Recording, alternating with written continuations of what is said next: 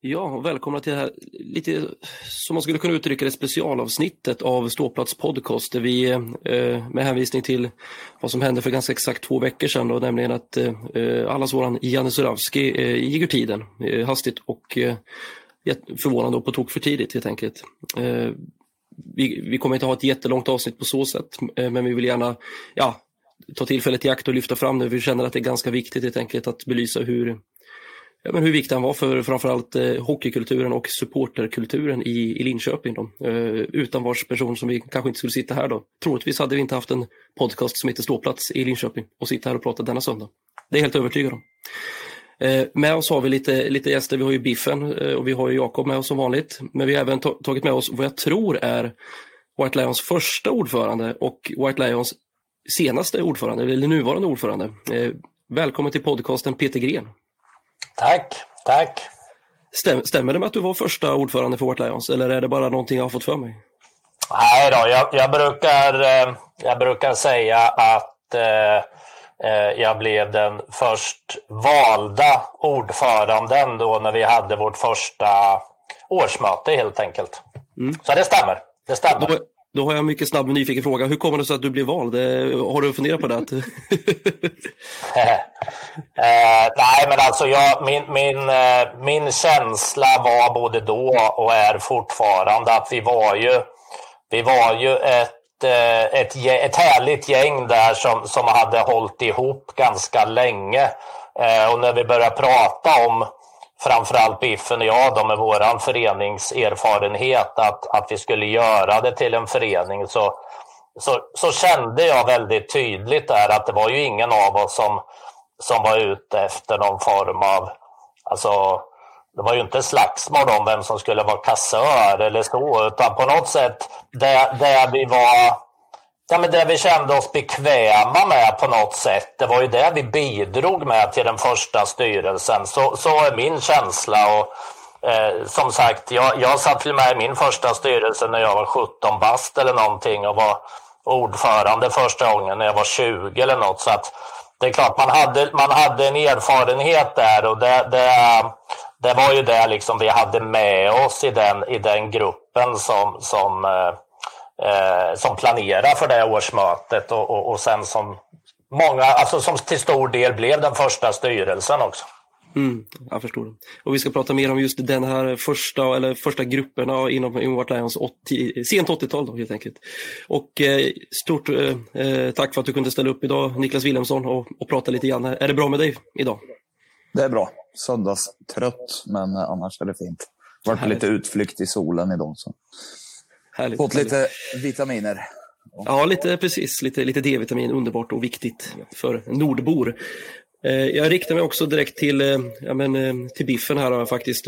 Min första fråga blir, och det kan vi faktiskt glida in på, jag tror faktiskt att vi per automatik kommer att glida in på andra saker också då. Men hur träffade du Janne för första gången? På ståplats i Stångebrohallen. Det låter konstigt, men naturligtvis var det så. Jag var i deras ögon, och kanske fortfarande är, en väldigt udda figur. Långhårig, svart hår, nät, skinnjacka med nitar, målat på ryggen och så vidare. Så LHC-halsduk. Och de tyckte det var jättekonstigt. Vem fan var jag? Och så vidare. Så här. Och sen så fanns det på den tiden någonting som hette Linköpings Hockeyklubb Stödsupporterförening. Den började vi åka med på matcher som till exempel till Nyköping och så vidare. Det var jag, bag, gamla, gamla bagaren. Uh, Motto fanns det en kille som hette och så var det Janne framförallt då och Bogga. Och en kille som heter Per Berg som också har gått bort. Uh, uh, så vi åkte på de här matcherna. Och vi började bli vänner där helt enkelt. Och uh, vi tyckte om att heja på vårt lag och inte bara vara med. och det slutade med att vi fick inte åka med stödsupporterföreningen för vi hade med oss öl. Men samtidigt så hade de på den resorna brännvinslotteri. Men vi fick inte dricka alkohol, men man fick dricka brännvin. Men det gick inte riktigt ihop det där. Vi fick inte vara med där helt enkelt. Så vi började ordna våra egna grejer i ett flertal år helt enkelt. Och eh, vad sedermera vart precis som Peter Gren sa. Jag gick till hans konsumaffär och frågade honom, hej, nu är det dags att vi bildar där. Kan inte du vara ordförande? För Janne vill inte vara det. Så enkelt var det faktiskt egentligen. Janne ville vara en fri fågel och det var han hela tiden. Och han ville göra exakt vad fan han ville och inte ha några ramar. Och mm. jag och Gren var tråkiga och ville ha lite ramar och regler och runt omkring. Och jag varit utfattig och Janne varit utfattig. Så vi skickade runt min mössa jämt i bussen för att dela på skiten som... vi fick in det kanske en hundring och vi gick back kanske 1500. Och då, jag och Janne fick betala 750 var eller något sånt där. Då. Mm. Varenda gång och det var lite dyrt. Så det var tvungen att ha en förening. Jag kan tänka mig det. Och, och, och Peter, vad är, vad, är, vad är, samlingen av dina första minnen av, av Janne där i mitten 80-tal? Eh, nej, men det, det, är ju, det är ju som, som Biffen säger, det var ju eh, frågan, frågan är om det inte var ännu tidigare egentligen, men Eh, det, var ju, det var ju på ståplats som, som eh, vi träffades. Det var ju inte så jättemånga av oss som, som eh, kände varandra innan. utan Det här var ju när, när det var en riktigt, hur ska man säga det diplomatiskt, en riktigt låg nivå eh, på, på, på hockeyn helt enkelt. Så att alltså möta de här Stockholmsgängen och Mjölby och inget ont om Mjölby men eh, inför så här 220 åskådare. Det, det, är klart att ganska tidigt så insåg vi att vi som, vi som gick match efter match efter match och, och, och stod och, och eh, heja mer eller mindre spontant. Eh, det är klart att vi förstod att vi hade något jävligt starkt tillsammans. Eh, och det var ju där det, det, det växte fram och, och, eh, det var ju där jag också eh, träffade Janne första gången. Mm. Mm. Och om, vi, om vi pratar arvet efter Janne Zurawski och påverkan på vårt Lions och den supporterkultur vi har, ser idag 2022. Eh, finns det något spår som ni kan se? Jag riktar mig till Ville här nu då. Finns det något som du kan se att ja, men det, här har vi, det här har vi tagit vidare och tagit fasta på, det ligger kvar? Ja, alltså den röda tråden om man säger så, sen Jannes tid är väl lite där, eh, köra, kör ditt eget race, skit i vad folk säger Nevermind the bollocks liksom. Eh, det var väl egentligen då det myntas, men det var väl flera personer egentligen som, som var, var inne på den linjen. Att vara organiserade fast ändå, ja, hände det någonting så skulle man hålla varandras ryggar. Eh, och och eh, ja, skita lite, alltså älska lite att folk avskyr er. Och det är väl lite så jag har velat jobba in VL ännu mer. Alltså eh, senaste sju, åtta åren och tycker att vi kommer åt rätt håll.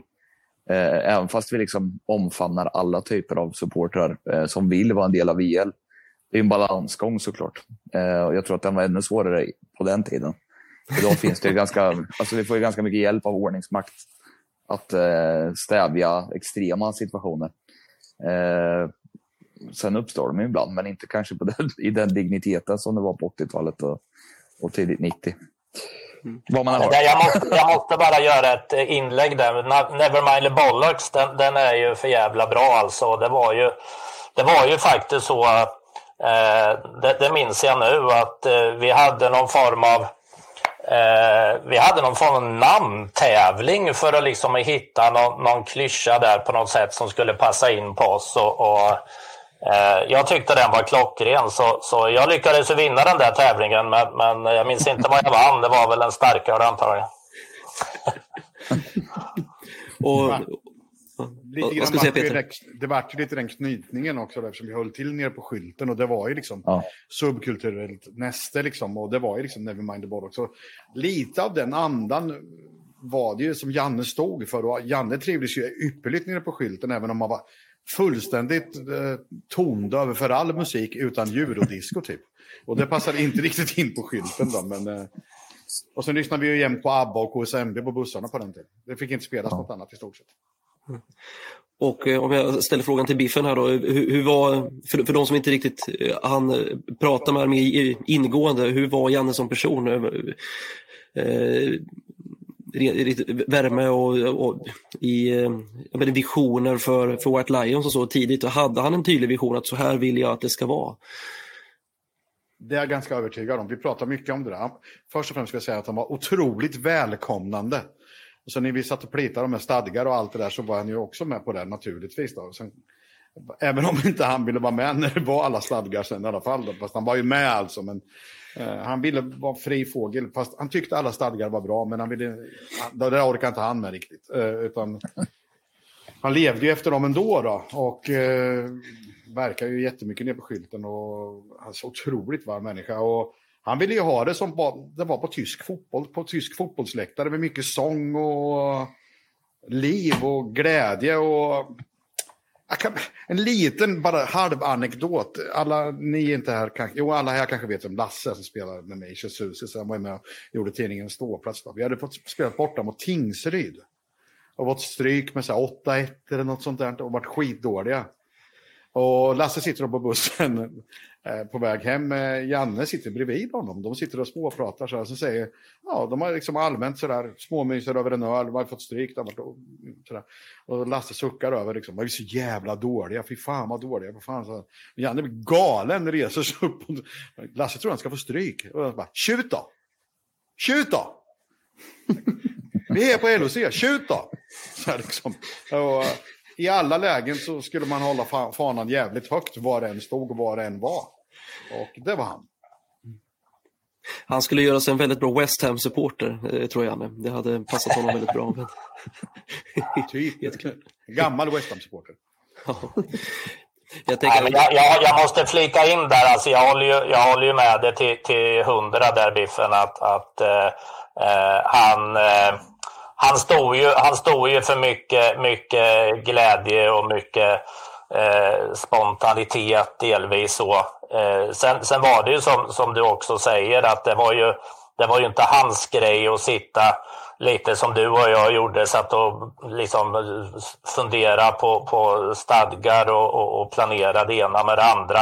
Men han var ju alltid väldigt, alltså han var ju alltid väldigt på och väldigt, vad ska vi kalla det för, uppskattande för de här grejerna, även om det inte riktigt var hans grej. Nej, så var det. Så var det. Han, var ju alltid delaktig, även om han inte ville vara det på något sätt. Nej, för fan, den där skiten orkar inte göra. Vi bara kör! Bara, ja, då, och där han frågade, var han sån som han skulle aldrig slå ner någon annans idé, utan han tyckte ja, det där gör vi, oavsett vad det var. Mm, inte riktigt så, men han var jävligt positivt lagd. Allting som som, som gjorde att vi höll på LOC och att vi förde liksom vårat namn vidare. För det var jävligt viktigt också på alla sätt och vis. Liksom. Att vi skulle synas och höras. White Lions, det var jävligt viktigt för honom liksom, att det hela tiden fanns att berätta att det var vi och så vidare. Så, mm. och, så allt sånt, men sen, sen tyckte han väl att en del andra saker var blaj liksom egentligen då, liksom, men som kanske är viktigt i sitt sammanhang. Som man kanske mm. vet som tråkig föreningsmänniska. Mm-hmm. Jag tänkte att vi ska göra så här att vi, vi, vi, kommer att länka in här, här och nu då och lyssna på en, en podcast som spelades in för, måste ha varit eh, sex år sedan, 2016. Jag fick förmånen att träffa och sätta mig ner och prata med honom och ställa frågorna hur det gick till där från ax till limpa när han mer eller mindre startade White Lions. Då. Eh, så jag tänkte att vi kunde ta och luta oss tillbaka och ja, men, lyssna på honom, höra hans röst och se. Det blir, jag vet inte hur mycket ljudupptagning det finns kvar, kvar och bevarat av honom ute i eten på så sätt och mer än kanske privata video, videokameror. Men jag tycker definitivt att det är värt att, att slå sig en lyssning. Helt enkelt, så vi, vi återkommer alldeles strax. Sitter vi här med Janne Suravski. en gång i tiden grundare för i alla fall norra Europas finaste supporterförening. Mm. I alla fall för en annan. Eh, jag måste börja med att fråga, hur, hur kom sporten in i ditt liv? Överhuvudtaget? Ja, sporten i stort menar du? Ja, ja nej, men det är väl eh, farsan eh, som, som, som stor Bundesliga-supporter till Hertha Berlin. Och, och det är väl där egentligen. Någon gång på 80-70? Ja, det var väl tidigare. Det var väl i början på 70-talet. Där, och började intressera sig för fotboll då först och främst och började lira själv. Och det var där jag började. Ja, ja. Men inte var svårare än så. Nej. Hur kom eh, hockeyn i Linköping in i bilden då? Ja, vi, alltså vi hängde rätt med Jag hade några kompisar där som, som, som vi hängde rätt mycket när Stångebrohallen kom där. Ja. Eh, 75? 75 ja. Så, så vi började vara där och, och, och Ja, vi, vi, hängde där. Alltså, det fanns inga fritidsgårdar eller något sånt. Så men, men det var alltså övergången, var det tack vare att det blev från Kempty till LHC som det blev? Eller fanns det redan på Kempty-tiden? Ja, vi gick, alltså, någon match såg man väl på Folkungavallen sådär. Ja, det gjorde man ju. Okay. Men eh, Alltså, I den åldern så blir det ingen kontinuitet direkt. sen. Så när hallen kom så, så vi började hänga där helt enkelt. Hur såg hänget ut? Var det, var det som ett slags supporterskap? Ins- Inte organiserat kanske? Nej, men alltså vi, vi började liksom kolla på A-lagets träningar helt enkelt. Och, stå och titta på dem när de tränar. Sen växte det där fram. Det tog tio år, men sen, eh, ja, Sen kom det. sen kom det. Jag, om jag inte missminner så var du uppe mycket i Stockholm på 80-talet också. Ja, men det stämmer. Mycket kompisar som höll på AIK och, och Djurgården.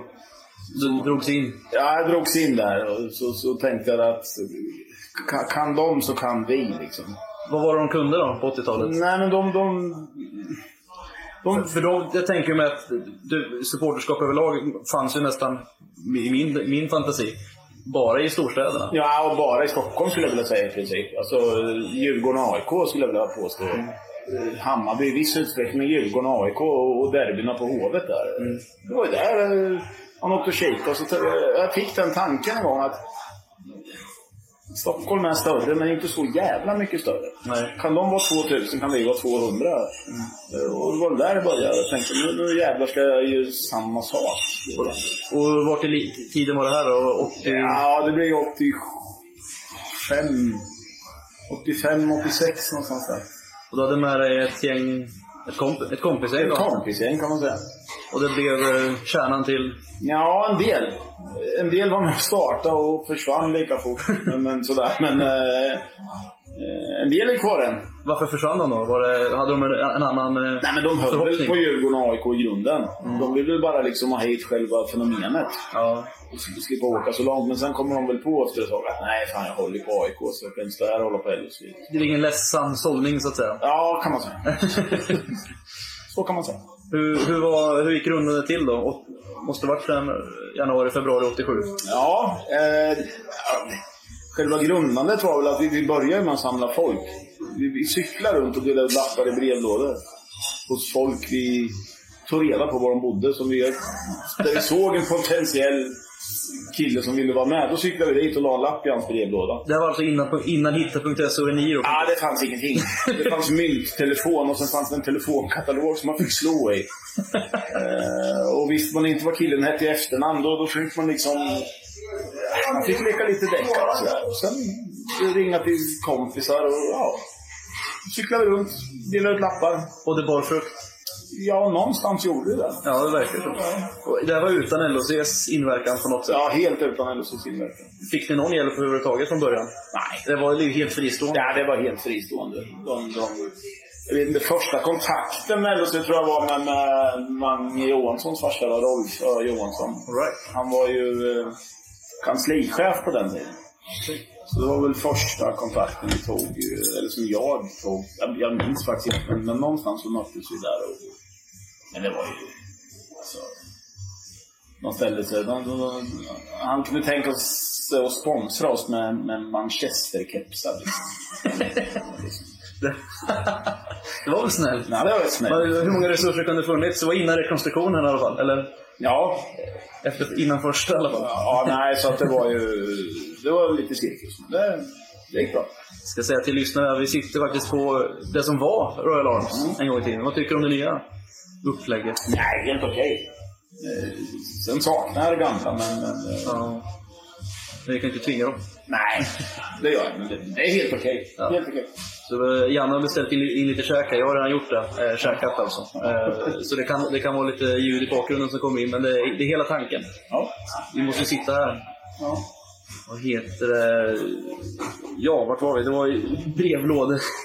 Brevlådor. Ja, annonsering. Samling, Annonsering. Och sen så, så beslutade vi oss för att bilda en styrelse med stadgar helt enkelt. Väldigt seriöst. Ja, ja. Och det gick väldigt fort. Ja, det gick väldigt fort. Det var väl en kille som hette Jocke Kindgren som var lite mer administrativt lagd än vi andra. Okej. Så det var väl han som höll i den biten. Och sen så, så hade vi ju stor hjälp av Biffen som jobbade på skylten då. Ja, just det. Och Studiefrämjandet. Och eh, ja, då fick man tillgång till, till kopieringsmaskin och telefoner och sånt där. Och så, Då till, kopieringsmaskin, dåtidens internet för fan. Ja, ja. Oh, ja.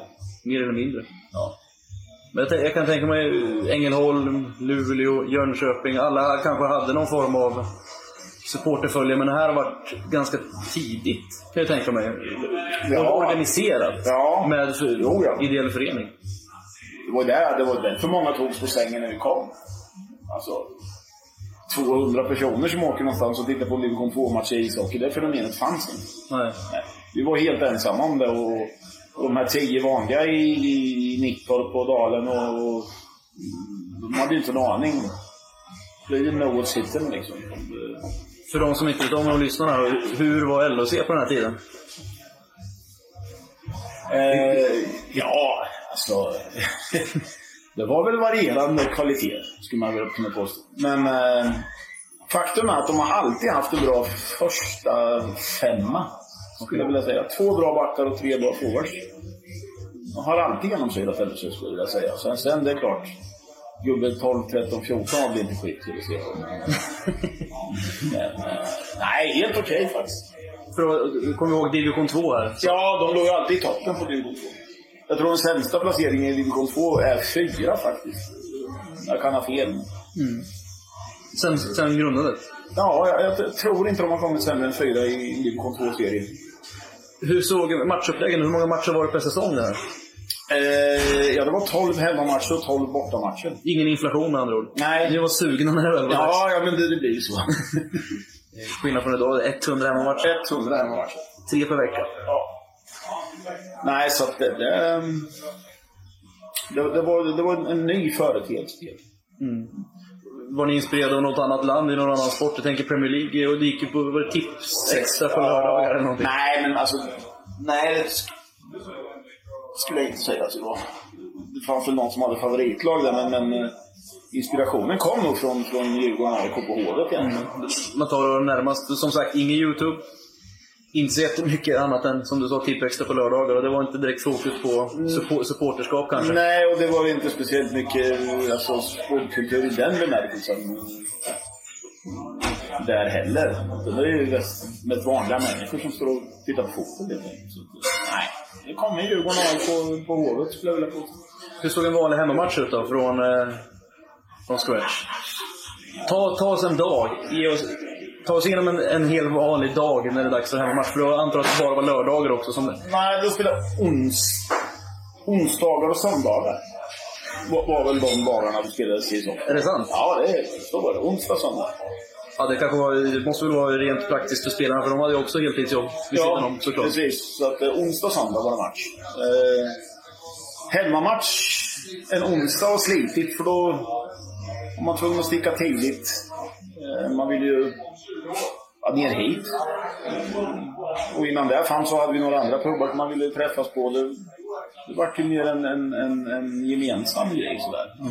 Det är vi 10, 15, 20 som träffas där.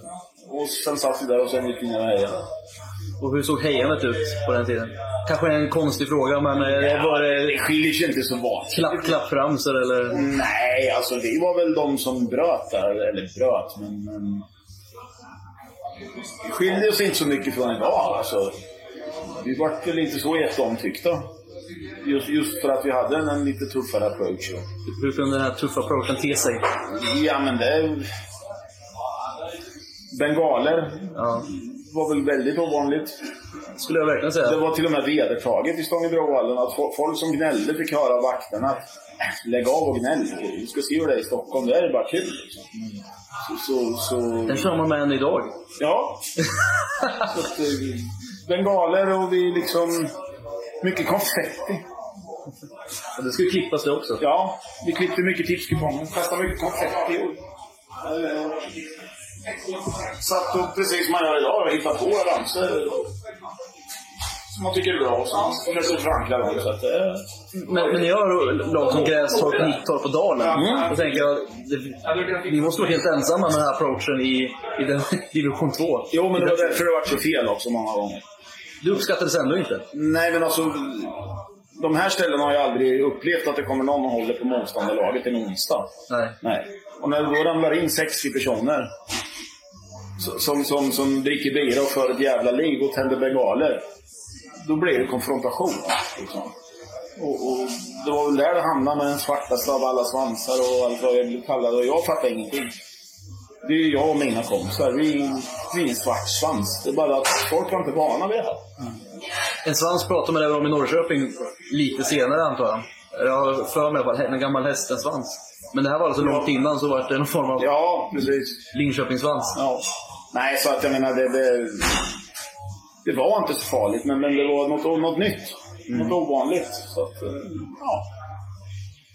Vad var, det, vad var det absolut bästa med hela den här livsstilen då? För det må- det måste ha varit någon form av... ja, det är klart det var en livsstil. Eh, Man, man ställde ju in sig efter matcherna. Enbart.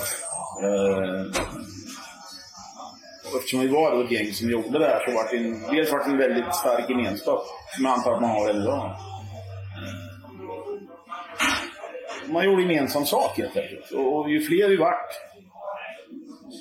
alltså det gav ju ringa på vattnet. Ju fler vi vart, ju ännu fler vart vi. Eller vad ska jag säga. Det, det liksom... Öka, öka. Det ökar och ökar.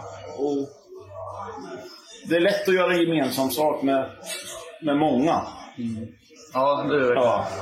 Men var, var, det någon fram... var det bara framgångsvåg så att säga? Man vet ju själv, man kan ju bara kolla på eh, Hammarby idag och Bayern fans Att när det blir en hås om det så är det väldigt lätt att Ja. på en medgång hur länge som helst. Ja. Var det det ni gjorde eller fanns det någon motgång? Och tog, tog er igenom den? Ja, det var ju mycket skriverier. Det var ju mycket så kallade skandaler. Med, med, med nedslagna vakter och ambulanspersonal som fick stryk. Och, ja, vi stormade någon kassa, någon, någon, någon, jävla grind och snodde några kassalådor. Det där är ju liksom... Hälften är sant ungefär. Då. Men, men, men visst.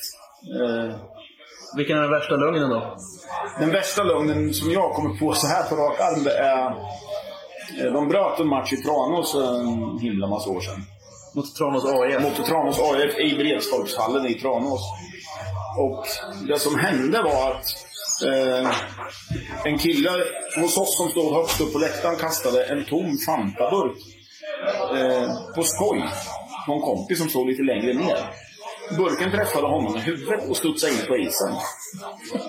Eh, då bröt domaren matchen för att vi kastade in saker på isen. Och i samtliga dagstidningar och kvällstidningar dagen efter står det att Linköping Svensson kastade in en jättestor sten mot domaren.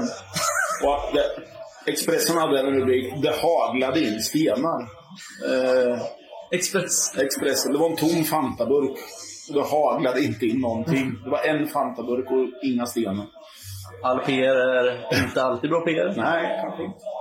Eller så var det det. Ja, ja det, Jag tror med Lasse Andrell sa någon gång, vi tror vi gick upp 99, men det bästa med Linköpings Hockeyklubb, Ulf Söderström och publiken. ja, det, Men det tyckte man inte. Och vilket år var det här med den här Fanta-burken? Oj, oj, oj, oj. Ja du. Jag gillar årtal, så jag kommer alltid i den här podden att fråga om årtal. Jag har faktiskt eh, urklippet sparat hemma. Eller jag gillar tidningen sparat. Men vilket år kan det ha varit? Jag skulle säga mm, 90, 89, 90 kanske. Häftigt. Jag läste i eh, den förändrade självbilden, heter den där? Linköpingsboken här. Ja. Om dig och Biffen, när, var, när ni var sjuka. Och skulle åka på... Ja, ja det, är- det är två varianter. Eh, Den, den, den ena är väl att, att, att jag var sjuk. Ja. Biffen har varit sjuk fast vid ett annat tillfälle, som jag kommer ihåg. Ehm, och jag kämpade mig ner ändå, trots 40 graders feber till busshållplats och skulle ta mig till, till Stångebrohallen, men det gick liksom inte. Jag knäade ihop eh, vid busshållplatsen och började spy och sen var det bara att gå hem. Och, och Biffen har varit ute för något liknande faktiskt. Eh, Samma match? nej, För det var, det var någonting om, kan vi springa upp och ner i trappuppgångar och så vidare? Ja, precis. Eh, Ja, det, det, där, det där kommer faktiskt inte jag ihåg. Det är möjligt att det har hänt. Men... Jag ska, jag ska fråga honom. Ja. Han ska också vara med i det här. Ja, Han, han klarar sig inte undan. Nej, men vi hade någon grej sådär att vi, vi sa om man är sjuk och inte kan gå så hur sjuk är du? Och klarar man att löpa i trappan upp och ner så klarar man att gå på hockey. Det, det låter nästan som en, du ringer arbetsgivaren och ska sjukanmäla dig. Ja, men hur sjuk är du? Ja. Och det, jag hade en plin på varandra för att gå på hockey eller inte, det är Åh, nej, men alltså, det, fantastiskt. gick ju, det, det fanns ju liksom ingenting som kunde störa det här. Det var ju liksom, det spelade ingen roll om det var födelsedag eller liksom... Vi skulle på match, punkt slut. Var det, var det en rolig tid att följa LHC? Ja, det tycker jag. Varför då? För det så, så, rekonstruktioner, allmänt kaos, Ja, svarta rubriker. just därför kanske. Just därför kanske. Vi Att världen. man, ja, men alltså man vart uppmärksammad. Alltså, folk ute i landet visste att kommer Linköping, då händer det någonting. Så ibland var det mer journalister än vi- var fans. Ja, men för, om jag jämför med, det räcker ju med att ett lag går knackigt en säsong så försvinner tusen pers och det, Ja. det är dåliga tongångar. Men, det, men här snackar vi division 2 och ekonomisk konkurs. Fan. Ja, nej men vi hade liksom gett oss fan på någonstans, några stycken, att vi ska upp. Alltså vi ska upp. Vi ska upp i division 1 och det får fan det vill, men upp ska vi liksom. Vilka var division 1 vid den här tiden då? Vilka var det man ville möta? Det- Jag tror inte... Vi ville upp. Vi ville inte vara i tvåan längre, utan vi ville upp. Vi såg att en, en del andra lag som vi hade då, som lite antagonister, Nyköping och sådär, de kunde gå upp. Och ramlade ju förvisso, men, men de kunde gå upp. Och kunde de gå upp kan vi gå upp. Och vi visste att kommer vi bara upp ett pinnhål eller två, då jävlar. Och, och så vart det. Så blev det faktiskt. Men när, när var det division 1 gick upp då? Det måste varit 90... Vi gick väl upp och bytte ju seriesystem där. Vi hamnade i division 1 södra och då ramlade vi ut och var till Roma. Strykgäng? Ja. Det var något år där som, som, som jag vet inte, det var 12 lag som idiotsatsade och så var det två som inte hade några pengar och det var vi och Osby. Och Osby kom sist och vi kom näst sist. Och alla, det var ju den- Malmö och Timbro och Mölndal och de där. De toksatsade och, och det gjorde inte vi. Vi körde på som vanligt. Har du någon, eh, jag må- jag måste fråga, för det här är, jag gillar eh, bussar, jag gillar bortaresor. Ja. Det är en väldigt stor del av hela supporterskapet Ja, tycker jag. absolut. Det kan jag med om. Ja, det kan jag om. Har du någon rikt, vad, vad är den saftigaste historien? En bortaresa? Som har? Det, får, det behöver inte vara just från 80-90-talet, men har du någon från de- det tidiga så blir jag väldigt glad. Ja, det var några stycken där. Ja, eh, vi, har en, eh, ja, till Globen då naturligtvis. Eh, första gången vi spelade kvalserie mot AIK borta. Då var det 80 bussar. Och det är klart att det, det var ju mäktigt i sig då. Att det var, men inte samma skärm dock som att åka två minibussar rakt ut i skogen eh, en, en, en onsdagkväll. Varför var det charmigt då?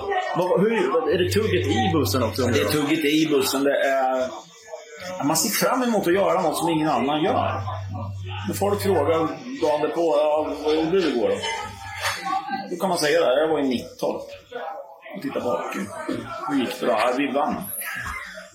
För att det kom ju i tidningen dagen därpå. Det var ingen som visste hur det hade gått på kvällen. Så att, eh, ju- ju- just att ligga steget före och ha en jävla, en jävla gemenskap. Liksom. Verkligen. Ja. Någon eh, bra hemmamatch som är bra på nätminnet då? Ja, jag har en favorit. Och den är jag nog ensam om. Men det är en playoff-match mot Östervåla i division 2. Ja. Eh, då var det bäst av tre. Och vi fick börja hemma då. Och eh, vi satt innan.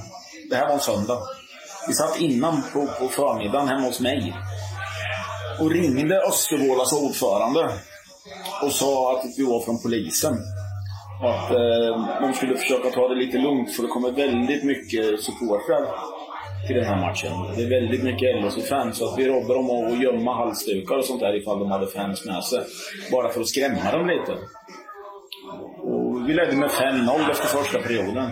De var helt tagna på sängen. Av varm hall, mycket folk och jävla drag alltså. Då ska man veta att 4000 åskådare på en playoff-match i division 2, det var enormt mycket folk på den tiden. Fy- Idag är det 4000 mellan Luleå och Frölunda. Så att Ja. det ska man ha klart för sig. Östervåla spelar inför 200 åskådare den här matchen. Undrar vad de gör idag? Öster... Ja, det undrar jag. Men de hade inga supportrar med sig. Precis. Vet, jag måste nästan ta upp eh, om det finns något rykte om de tidiga åren om eh, högerextrema... Där pratar vi svans. Ja. Det var, fanns det något sånt? Eller var det, Ja. var det bara tre personer som, som ganska snabbt blev Ja. utskrämda? Eller? Precis. Det var väl en kille som jag inte vill nämna vid namn. Nej, nej. Det var... Han, han är också en begynnande medelålder idag. Eh, han hängde på några gånger och är fortfarande, vad jag vet, högerextrem än idag. Och leder något diffust parti. Eh, han var med några gånger. Vart ofta tagen av polisen. De två, tre gångerna han var med och sen försvann han ut. Liksom. Och det är upprinnelsen till att det varit en stämpel på den tiden. Det, det, det finns någon bild eh, när han står i, i, i en buss med öppna dörrar och, och, och, och gör Hitlerhälsning. Och, och den där bilden den spreds ju naturligtvis. Då blir det ju han som är vårat ansikte utåt. liksom, så. Ja, så- Men det var absolut inte, vi hade politik överhuvudtaget. Det var ingen som hade någon kunskap eller intresse för politik. Alls. Vi hade fullt upp med vår jävla hockey liksom. Så var det här kommer ifrån, det är... eh, Nej. Lättare då för en eh, supportklubb som har, vi tar ju White Lions. Twitter, Instagram, Facebook. Man är sin egen jo- journalist på något sätt.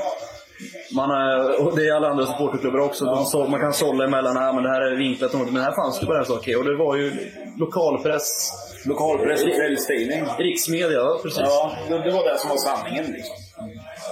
Och Även lite fanns, det började komma lite lokal-tv. 15 minuter och var, varje eftermiddag någon gång vid sex eller något sånt där. Där kunde man få ett inslag på en minut eller något sånt där. Eh, Det var det som fanns. Var, var det bra samarbete med till exempel Korren? Nej. Samarbete med Korren och deras... Vad heter han då? Ronny Järvång. Ja. Han var chef på sporten.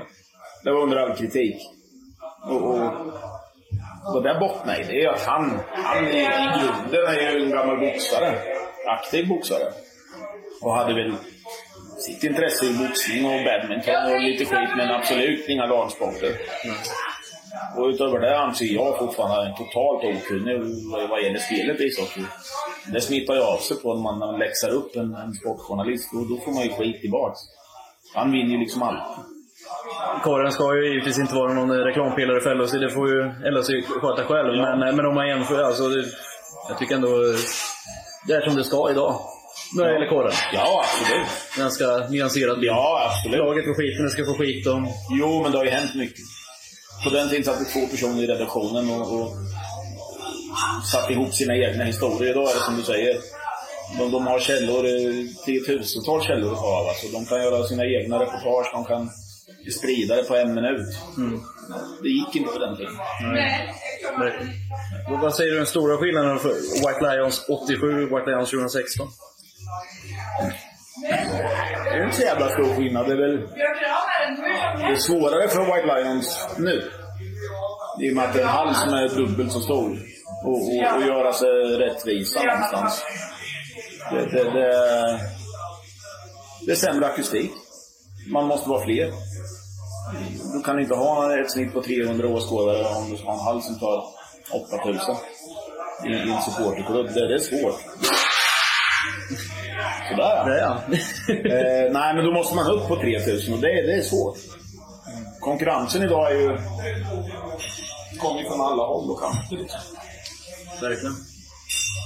Och framförallt, eh, det har ju varit 55 och 50 omgångar hur länge som helst i hockey, men eh, eh, det känns som idag att det blir inflation. faktiskt. Ja, men lite så. Lite mycket. Men eh, vad, eh, vad är du mest stolt över? Du har skapat. Du, du, du har en av Sveriges absolut äldsta supportrar i alla, både hockey och fotboll. Ja, jo. Nej, jag är väl jag är stolt över... Jag är nog rätt så stolt över eh, den dagen det gick upp i elitserien. Alltså, då, då fick man kvitto på något sätt att man har gjort någonting bra. Om man jobbar hårt från 8 till 10 år och sen, sen så går det äntligen vägen. Då blir det lite det här, vad var det jag sa? Du skulle lyssna på mig från början. Men hur såg ditt supporterskap ut 99? Hade det måste ha dalat då? Det kan ju inte ha varit likadant. Jag, jag hade faktiskt en svit. Eh, från 88 fram till 99 tror jag. Där jag inte missade en enda hemmamatch och såg jag tror jag såg 80 procent av alla bortamatcher. Så, så jag missade inte så mycket under 12 års tid. Jag såg allt. Ehm, så att då var engagemanget högre än någonsin kan vi säga. Det, när vi gick upp och speciellt första åren i elitserien där så. Men sen blev man äldre och sådär. Så då... Men då har du varit med om kl- klubbmärkesbytet 94-95 någonstans. Ja. Vad tyckte du om det? Nej, helt okej. Det var min kompis som ritade det här faktiskt i baren. Jesper? Jesper ja. Han satt och skissade liksom. Skissade han på Royal Arms? På Royal Arms, ja. Och historien om att det var Briténs och Britén och fru som var med på ett hörn där, Nej, vi hade väl något möte och sen presenterade väl eh, Jeppe det här helt enkelt. Ni, ni drog med han på bakfyllan sen efter han Ja. Ja, nu får du fan visa upp det här också. Ja, nej, men vi, vi hade väl...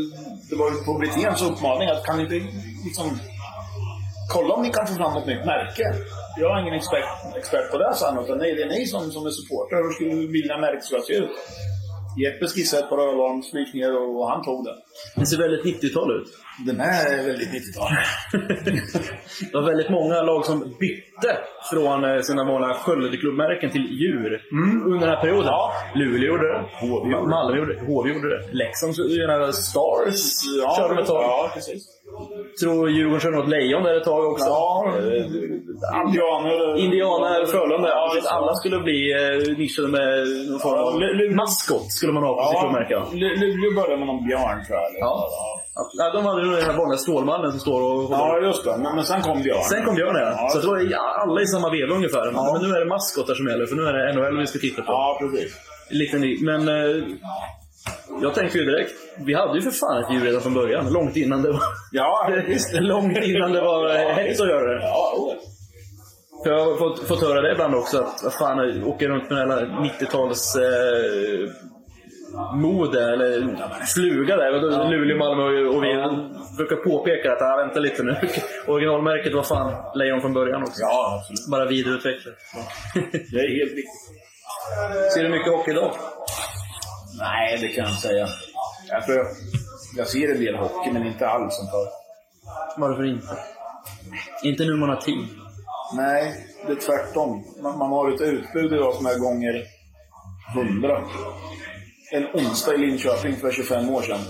Då kunde man gå på ishockey, det var vad man kunde göra. Idag har du ju ett utbud hemma i tv-soffan som är enormt. Du har en dator, du har en padda, du har en mobiltelefon. Du kan liksom göra vad du vill. Kan skifta mellan Champions League, SHL och... Ja, och Europa League och olika ligor. Du kan ta på dig en jävla hjälm och låtsas att du är i något jävla rum på Mars liksom. Alltså det, det blir... Det blir mycket att välja på. Man, man, man sållar, man, man, man, ja. Och som du säger, lite inflation, mycket match. Kommer du säga det nu? Kommer du säga meningen det var bättre förr? Ja, definitivt. Det var bättre förr. Varför då? Jag är ledsen, men frågan måste komma. Ja. Nej, för, för mig var det... Varje match var en happening. Dels för att det är en vecka emellan varje hemmamatch. Idag är det fyra hemmamatcher i veckan om du har otur. Eller tur. Eh, det vart mer speciellt varje gång det hände något. Idag eh, så... så ja, det är matcher varje dag. Vad skulle du säga är White Lions största utmaning just nu och framledes? Ja, det måste ju vara att försöka växa.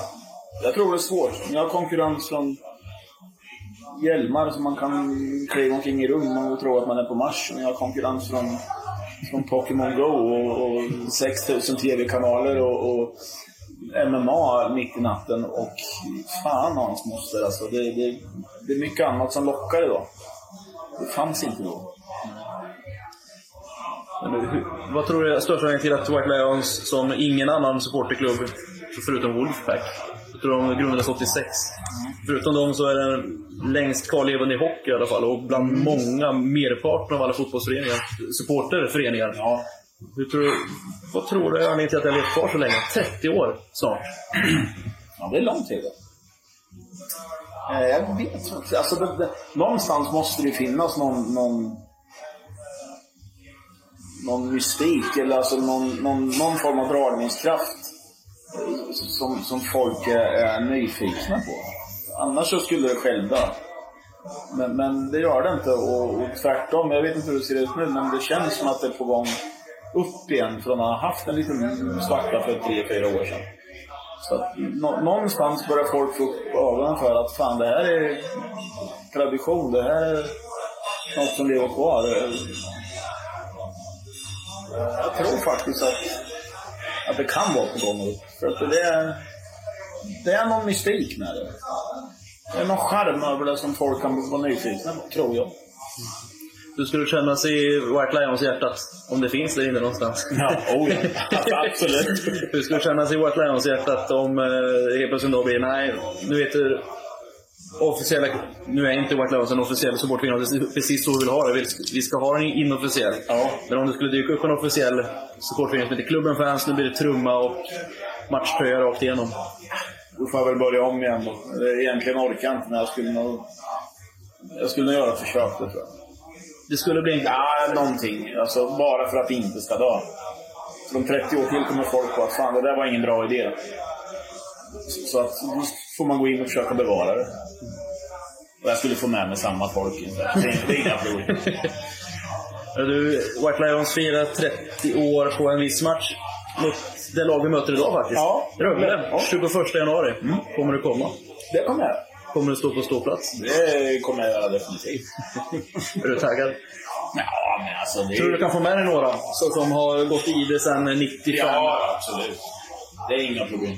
Du vet vad som gäller här nu? Det är att eh, hugga tag i människor. Ja, som, som du vet inte Ja. varit aktiva. Ja, men det är inga problem. Jag vet vilka som vill. Det är bara det att man inte hörs av dagligen, men det är inga problem. Det är. Är det någonting du har att tillägga angående White Lions som vi har glömt att behandla? Eller LOC, för all del. Jag vet inte, jag vet inte hur förhållandet är mellan förening och supporterklubb idag. Fantastiskt. Den är bra. Fantastiskt bra. För att det hade knakat lite i fogarna på våran tid. Och det har väl inte alltid varit smärtfritt. Ja, Jag föll in på LOC 97-98 någon gång. Och jag har ju varit med om en annan bojkott. Ja, men, Som jag ibland har förstått, ibland inte förstått. Eh, Men idag så ligger vi så långt ifrån bojkott som det bara kan gå. ja. ja, det känns bra. För det, det, det tror jag man behöver, någon form av stöd. Annars tror jag det blir jobba. Nej, de är inte missunnsamma. Nej, jag säga. vad skönt. Hörru du Janne, tusen tack. Ja, tack själv.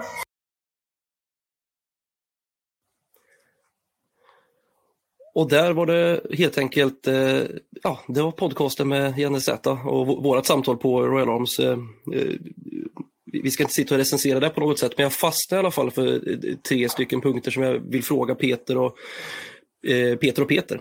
Eh, helt enkelt. Det här med att man värvar medlemmar genom att slå i telefonkatalog och sen cykla runt och lämna brev och säga att fan kom med, gå på hockey, det blir kul, vi, vi dricker bärs och har det gött. Alltså, hur många värvade ni på det här sättet? Fick ni ihop 50 pers eller hur blev det här? Ja, så det, där, det, det, det är väldigt sant, men det är också nästan pre-dig-gren i det här läget, eller hur? För det, var- vi, jag, jag tror inte vi hade riktigt där, utan det var där vi hade en, jättemånga människor som typ hejade på AIK och Djurgården som var från Linköping som vi ville bara liksom ha med på läktaren, för de visste hur fan man förde liv och sjöng och, och så. Och de tyckte det var jävligt kul. Men de försvann ju bort sen lite grann när vi sen eh, fick de riktiga stadgar och gjorde en riktig förening av det. Eh, för då ville de ju verkligen vara AIK eller Djurgården. Men eh, det var jävligt viktigt faktiskt, hur dumt det än låter så var allt det där väldigt viktigt. Och, ja, utan eh, de skandalerna som var i Nyköping så kanske vi inte hade suttit här liksom, egentligen heller, hur dumt det än låter. Men det, det, det gjorde vi ett avtryck, för syns man inte finns man inte. Och ibland får det vara lite dumt för att man ska få vara med. Ja, verkligen.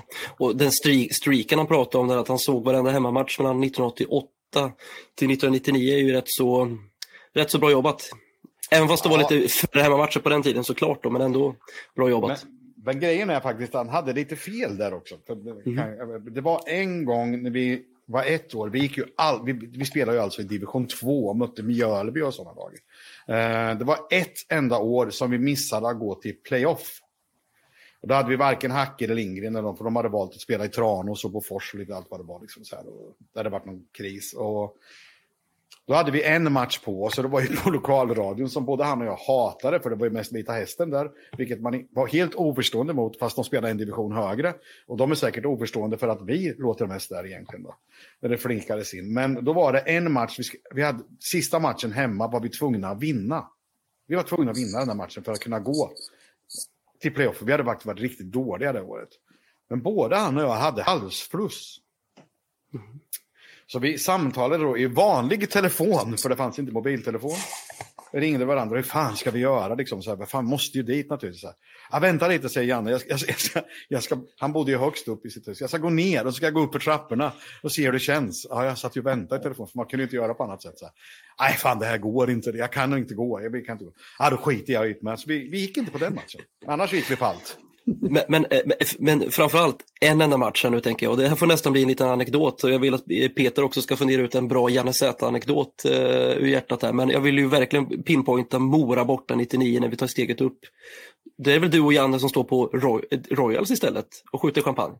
Jag och Janne var, jag vet inte om, jag tror Gren du var i Mora va? Ja. Var du med oss på? Du var i Mora, eller hur? För jag, Alla var i Mora.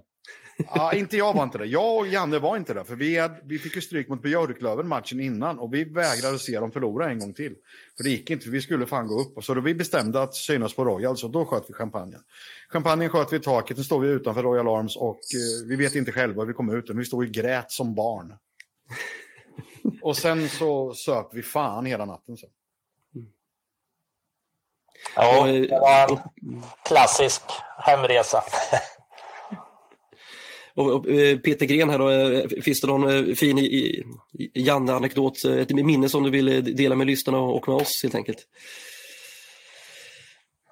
Eh, jag har nog ingen, ingen sån här speciell eh, grej som jag kommer på. Eh, jag får suga på den lite. Jag, jag, alltså, allt, allt känns Alltså, Janne fanns där hela tiden. Liksom. Vi, vi träffades och man pratades och man, man ringde. och liksom, han, han fanns där hela tiden. och, och vi kom alltid, liksom, som, man, som med de flesta, liksom, som, som Janne, då, han, han kom ju överens med de, med de flesta. Sådär, och, eh, jo, jag kom på en, en grej nu faktiskt som är ganska talande. Eh, det var när, när eh, vi mötte Haninge eh, borta när de fortfarande spelade ute. De flesta Stockholmslagen gjorde ju det på den där tiden. Så, så eh, det är lustigt att man inte förfrös någonting under de där åren.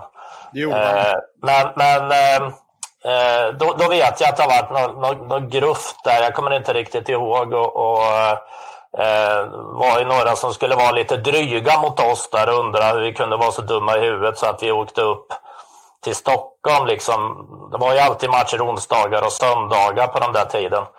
Eh, och tyckte att vi var liksom dumma i huvudet som åkte upp för att, för att kolla en division 2-match. Men då vet jag att Janne var jäkligt snabb och, och, och sa liksom att men, men undrar vem det är som är dum i huvudet. Det är liksom en och en halv kilometer till, till Globen. Liksom, vad fan gör ni här? Så det var ju det där lite som vi var inne på tidigare. Att alltid liksom försvara Linköping. Alltid försvara LHC oavsett. Mm. Och, det, och det vi kan se frukten av här då, det är ju faktiskt bara ren fakta. Det är, det, en av de absolut äldsta supporterföreningarna i hela Sverige oavsett idrott. Eh, det är väl egentligen bara slagna av eh, Bayern Fans, Black Army och Wolfpack. Fast Wolfpack är idag ett resebolag till bryggeriet. Så de räknas inte riktigt. Så vi skulle kunna vara det tredje äldsta supporterföreningen i Sverige och framförallt inom Hockey-Sverige så är vi nog den äldsta kvarvarande. Eh, och ser fram emot den här 35-årsfesten som ska ske i höst. Ja, Biff? Jag har ju några anekdoter. Eh, det finns jättemånga. Det kan säkert komma tillbaka lite fram och tillbaka. Men jag kan, som är lite talande för hur han är, liksom, eller hur han var. Eh, vi kan ta linjedomaren Lennart Hållén. Eh, ja, nu skrattar de andra här som känner igen det. Han, Janne hade en horn i sidan åt Lennart Hållén som jag tror var från Mjölby. Och han fick ju för sig att han hette Hollen. Men det är en annan sak. Och eh, när inte han släppte pucken då, då fick ju Janne helt spelet på läktaren. Och bara, Ta av dig dina jävla Batman-kalsonger och håll i det ena gubbet din jävla gubbjävel och så vidare. Så här, liksom. Jag var helt galen, rabiat hela vägen ner. Det liksom hängde över glaset och skrek på den där stackaren. Och det var ju sättet hur han var, liksom, att han kunde elda upp sig själv och, och därpå elda upp hela läktaren. Liksom, att nu jävla kör vi liksom. Så här.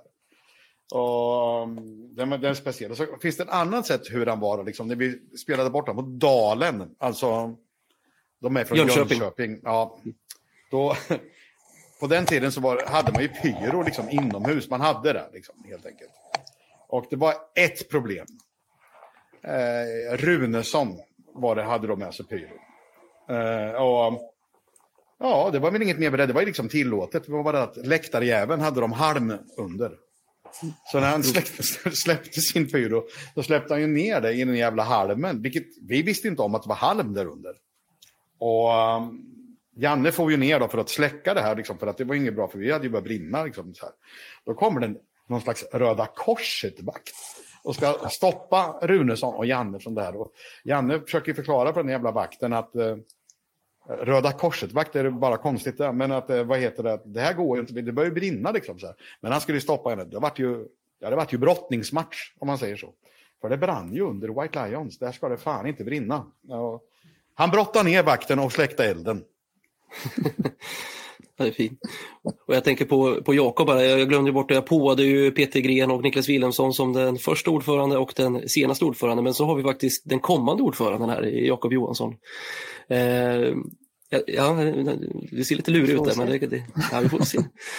eh, men vad tänker du, för jag vet ju att du har också ja, personliga minnen av Janne, så kan, kan, du se det någonting att ja, det här eh, finns plats och en, finns en tydlig plats i What Lions framöver som är, som är arvet från Janne helt enkelt? Eh, det ja. kanske man inte tänker på, det kan ju vara svår, det är en svår fråga såklart, men eh, jag vet ju att du, du är väldigt insatt.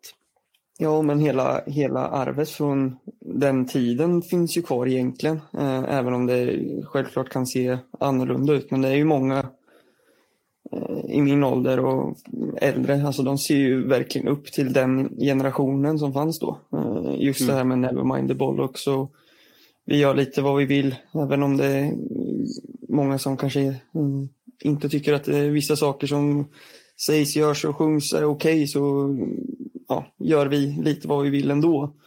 Och det är ju, det är ju liksom någonting som föddes då eh, för över 35 år sedan och att det lever kvar nu det är ju nästintill unikt för det är nästan inga som har kvar den identiteten oavsett om det eh, är bayern fans eller om vi pratar Gnaget har ju i princip Black Army har ju nästan suddat ut hela den identiteten tycker jag.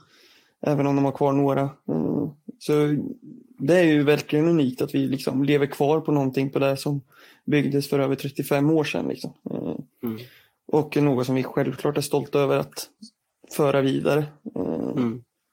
Så lite jag tänkte på det här med telefonkataloger och så. När ni pratar om att värva supportrar. Vi har ju inte gjort liknande men nu, nu är det mer sociala medier man hittar folk på. Och det yes. är lite samma sak som vi har gjort med några av mina kompisgäng och så. Att vi, vi hittar folk på sociala medier som ser intressanta ut och hör av oss till dem istället. Och liksom kom på samlingar och så här. Så det, det, det är samma men ändå inte eh, samma. om man säger så. Ja, verkligen. Ja, men det är lite samma. enklare. Lite enklare. Betydligt enklare, självklart. Jo, en utveckling av tiden. Ja. Ja, jag skulle säga så här, i, i första skedet är det ju enklare för du, du når ju ut och får en ja. bra spridning. Men sen så är det som Janne var inne på det att du konkurrerar ju mot så mycket andra saker så att få dem att stanna kvar i en annan femma. På 80-talet då fanns ju hockey då. Eller, eller bowling. Eh, mm. Eller porrtidning eller och, och, och, och trimma moppen ungefär. Men nu är det ju så mycket mer som konkurrerar med tiden som man har att göra. Då. Eh, så att, eh, jag skulle säga att det går jämnt ut, men väldigt, väldigt snygg spaning där att, eh, att man också värvar på det sättet, även idag då såklart. Mm. Faktiskt. Och jag skulle vilja sticka ut hakan och säga att menar, Janne har en ganska stor del i också att LOC som ishockeyförening har blivit framgångsrika. För det finns ju inte chans att man kan få in sponsorpengar om det inte finns en väldigt, väldigt drag och hås runt hockeyn på läktaren. Och i, i biljettförsäljning och där har ju White Lions, jag är helt övertygad, 99-98, början på 00-talet, är ju superviktigt. Att det var på det sättet, att ja, det inte bara var sporten som var bra och sen kom publiken efteråt. Publiken kom ju först och sen blev sporten bra. Så eh, det, det, det, det är definitivt min bestämda åsikt att Janne har en jättestor del, och White Lions då såklart, för att vi blev en elitklubb. Absolut, vi var ju, samarbetade ju faktiskt även om vi då liksom inte var Linköpings Hockeyklubb så samarbetade vi ganska mycket. De betalade ju porto åt oss, vi var ganska ofta nere på deras kansli som låg i Tandefors och fick hjälp av LOC och en tidigare ordförande, som jag inte tänker säga vem det var, men, eh, men det var inte Christer Mård, eh, bad ju oss nästan, det, det är okej okay om ni för lite liv så det skrivs om er, men försök ta det lite lugnt vi gör som vi vill, sa vi då. Men, eh, och det gjorde vi. Men det skrevs om oss ganska ofta faktiskt. Hur, hur tog Janne det? Alltså, för det var ju inte bara vita rubriker, det var även svarta rubriker. Nej, det var med en axelryckning åt garv. Liksom. Det var, när det var fel i tidningarna, då, då, då, när de rent av kanske ljög om händelser som inte hade varit eller hur saker varit, då var han arg. Mm. Men med rätta också. Men ofta var det ju någonting som hade hänt så att det var liksom skitsamma. Mm. Never mind the bollocks. Liksom. Mm. Då går vi vidare därifrån. Ja, och jag ska, jag, ska, jag ska släppa lös då, för vi, vi, vi ska börja titta mot, mot att avrunda avsnittet såklart. Eh, eh, jag vill ju avsluta med att prata om, om Janne verkligen som person och jag kan ju börja med min personliga åsikt där. När jag hade en ganska kort men intensiv kontakt med honom då i samband med VL30-firandet, för dels var det då poddinspelning men sen var det också då festen som skulle ske i slutet på januari. Så är det första som kommer till mig är ju att han är otroligt generös och bjuder på sig själv. Alltså det var verkligen rakt in, här är jag. Eh, och ja, jag, han, man märkte att han värdesatte och, eh, att, eh, och vårdade kontakten och samtalet om man så får uttrycka det. Det kanske låter lite flummigt men han var otroligt generös eh, och snäll och rolig. Vad säger, vad säger Niklas Wilhelmsson? Ja, vi kan väl, jag kan väl bygga på det med generositeten lite. Första gången, jag, alltså jag och Janne har ju morsat på varandra och så i, i och med att jag generationen emellan med Brage och etc. har varit nära vänner till mig rätt länge. Eh, sen är det väl runt tio år sedan skulle jag gissa som jag pratade själv med Janne face to face. Liksom. Och det var av en slump att jag skulle in på någon bar. Tror det var Horse and Hound. Eh, och möter honom i dörren på väg ut och eh, stannar till för att bara kolla läget. Och Janne sliter upp en tysk ölburk ur jackfickan. Eh, som många har sett säkert. Jag undrar, jaha, ska du, ska du gå iväg? Nej, jag hittar fan inte en god öl där inne. Jag har alltid med mig två i reserv. Liksom. Två, två tyska. Och då direkt där, tysk öl är ju en liten, har jag en liten fallenhet för också. Så då började vi prata öl och min absoluta favoritöl, Feltins, finns ju inte utanför Tysklands gränser. Jag hittade den faktiskt i Amsterdam för två år sedan på Lidl. Det är första gången, men den har varit ett familjebryggeri liksom, som vägrar exportera för att hålla det. Men den är väldigt stor i Tyskland eh, och har ju arenanamn och grejer under ja. märket. Eh, och pratar vi om Feltin så Janne gillar den strångt med. Och det här ledde ju till att typ ett år senare kanske, så hade Janne kollat upp vart fan jag bodde, Jannelund. Och eh, vi hade bytt nummer och lite så, träffats några gånger däremellan. Så. Eh, så ringer han en vanlig vardag och frågar om jag är hemma. Typ vid, ja, efter jobbet-tid liksom. Eh, ja, det så Ja, kom ut. Ja. Eh, ja, men kom bara ut. Så gick jag ut från lägenheten, så stod jag där med DHL-bilen och hade en stor back med Feltins eh, till mig och slängde över. Och så sa han bara, jag ska inte ha ett öre för det här, men jag ska ha tillbaka backen sen för det är svindyr pant. jag visste inte ens att han visste vart jag bodde. Så, ja, det var en generös människa eh, på alla sätt och vis. Och, eh, jag kände inte honom jätteväl där och då, eh, ska jag säga, tillägga. Utan morsat på varandra på Rojas några gånger. Han visste vem jag var och vet inte om jag ens hade blivit vald som ordförande då, men jag var nog aktiv i styrelsen i alla fall eh, ja. när det hände. Ja. Men eh, ja, den där backen eh, tror jag faktiskt stod kvar någonstans. I, Han fick inte förråd. tillbaka den? Nej, det blev aldrig av. Den, den drack sig ur och sen så då har man inte kvar backen i lägenheten. Liksom. Men eh, ja, helt fantastisk eh, person. Ja, det var, det var en uh, fantastisk anekdot. Peter ja. Gren då, hur skulle du sammanfatta fatta Janne som, som, som person?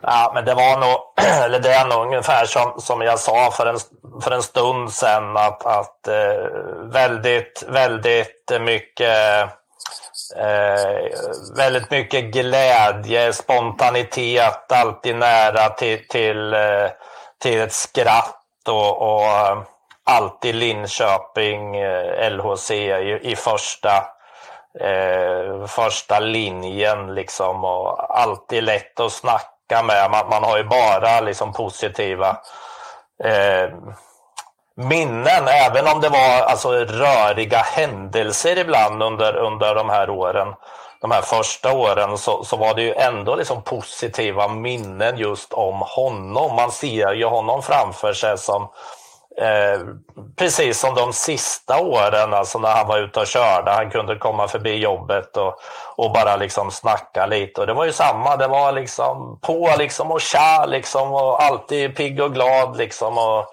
eh, ja, väldigt, väldigt tydligt. Mm. Och, och, och Jakob, jag vet att du är ju fostrad i, i ishockeyn i Linköping och har säkert sprungit på, på Janne eh, i de sammanhangen också. För man får ju inte glömma bort att han även var ide, ideell eh, ledare inom LHC efter sin ståplats, eller i slutet på sin ståplatskarriär då helt enkelt. Ja, jo men exakt, men eh, jag kan bara flika in också där att just det, generositeten. Det, alltså när man var hemma hos, alltså dörren var alltid öppen om man säger så. Eh, alltid välkommen. Eh, och eh, extremt rolig, måste jag säga. Det, det är Linköpings skönaste och roligaste person. Alltså det, ja, men... det har jag sagt till många att jag tycker. Chris och till Brage flera gånger att fan, jag sprang på Jan var inne på jobbet liksom med DHL-bilen. Han hade alltid något pricksäkert att klaga på med glimten i ögat. Det var, kunde vara vad fan som helst, att det låg en planka på, på kajen. Som, eh, alltså, vad som helst. Och, nej, det var, jag garvade varje gång jag mötte Janne, tror jag. Varje ja. gång. Ja, men så var det ju verkligen. Det var, ja. man, man kom in där med ett leende på läpparna och man gick därifrån med ett leende på läpparna. För man visste ja. innan att det skulle hända någonting roligt och när man gick därifrån så hade det hänt någonting roligt. Liksom. Så att det var, det fanns alltid något roligt liksom, som hände. Den här stan har blivit en något tråkigare plats, tyvärr. Verkligen. Ja.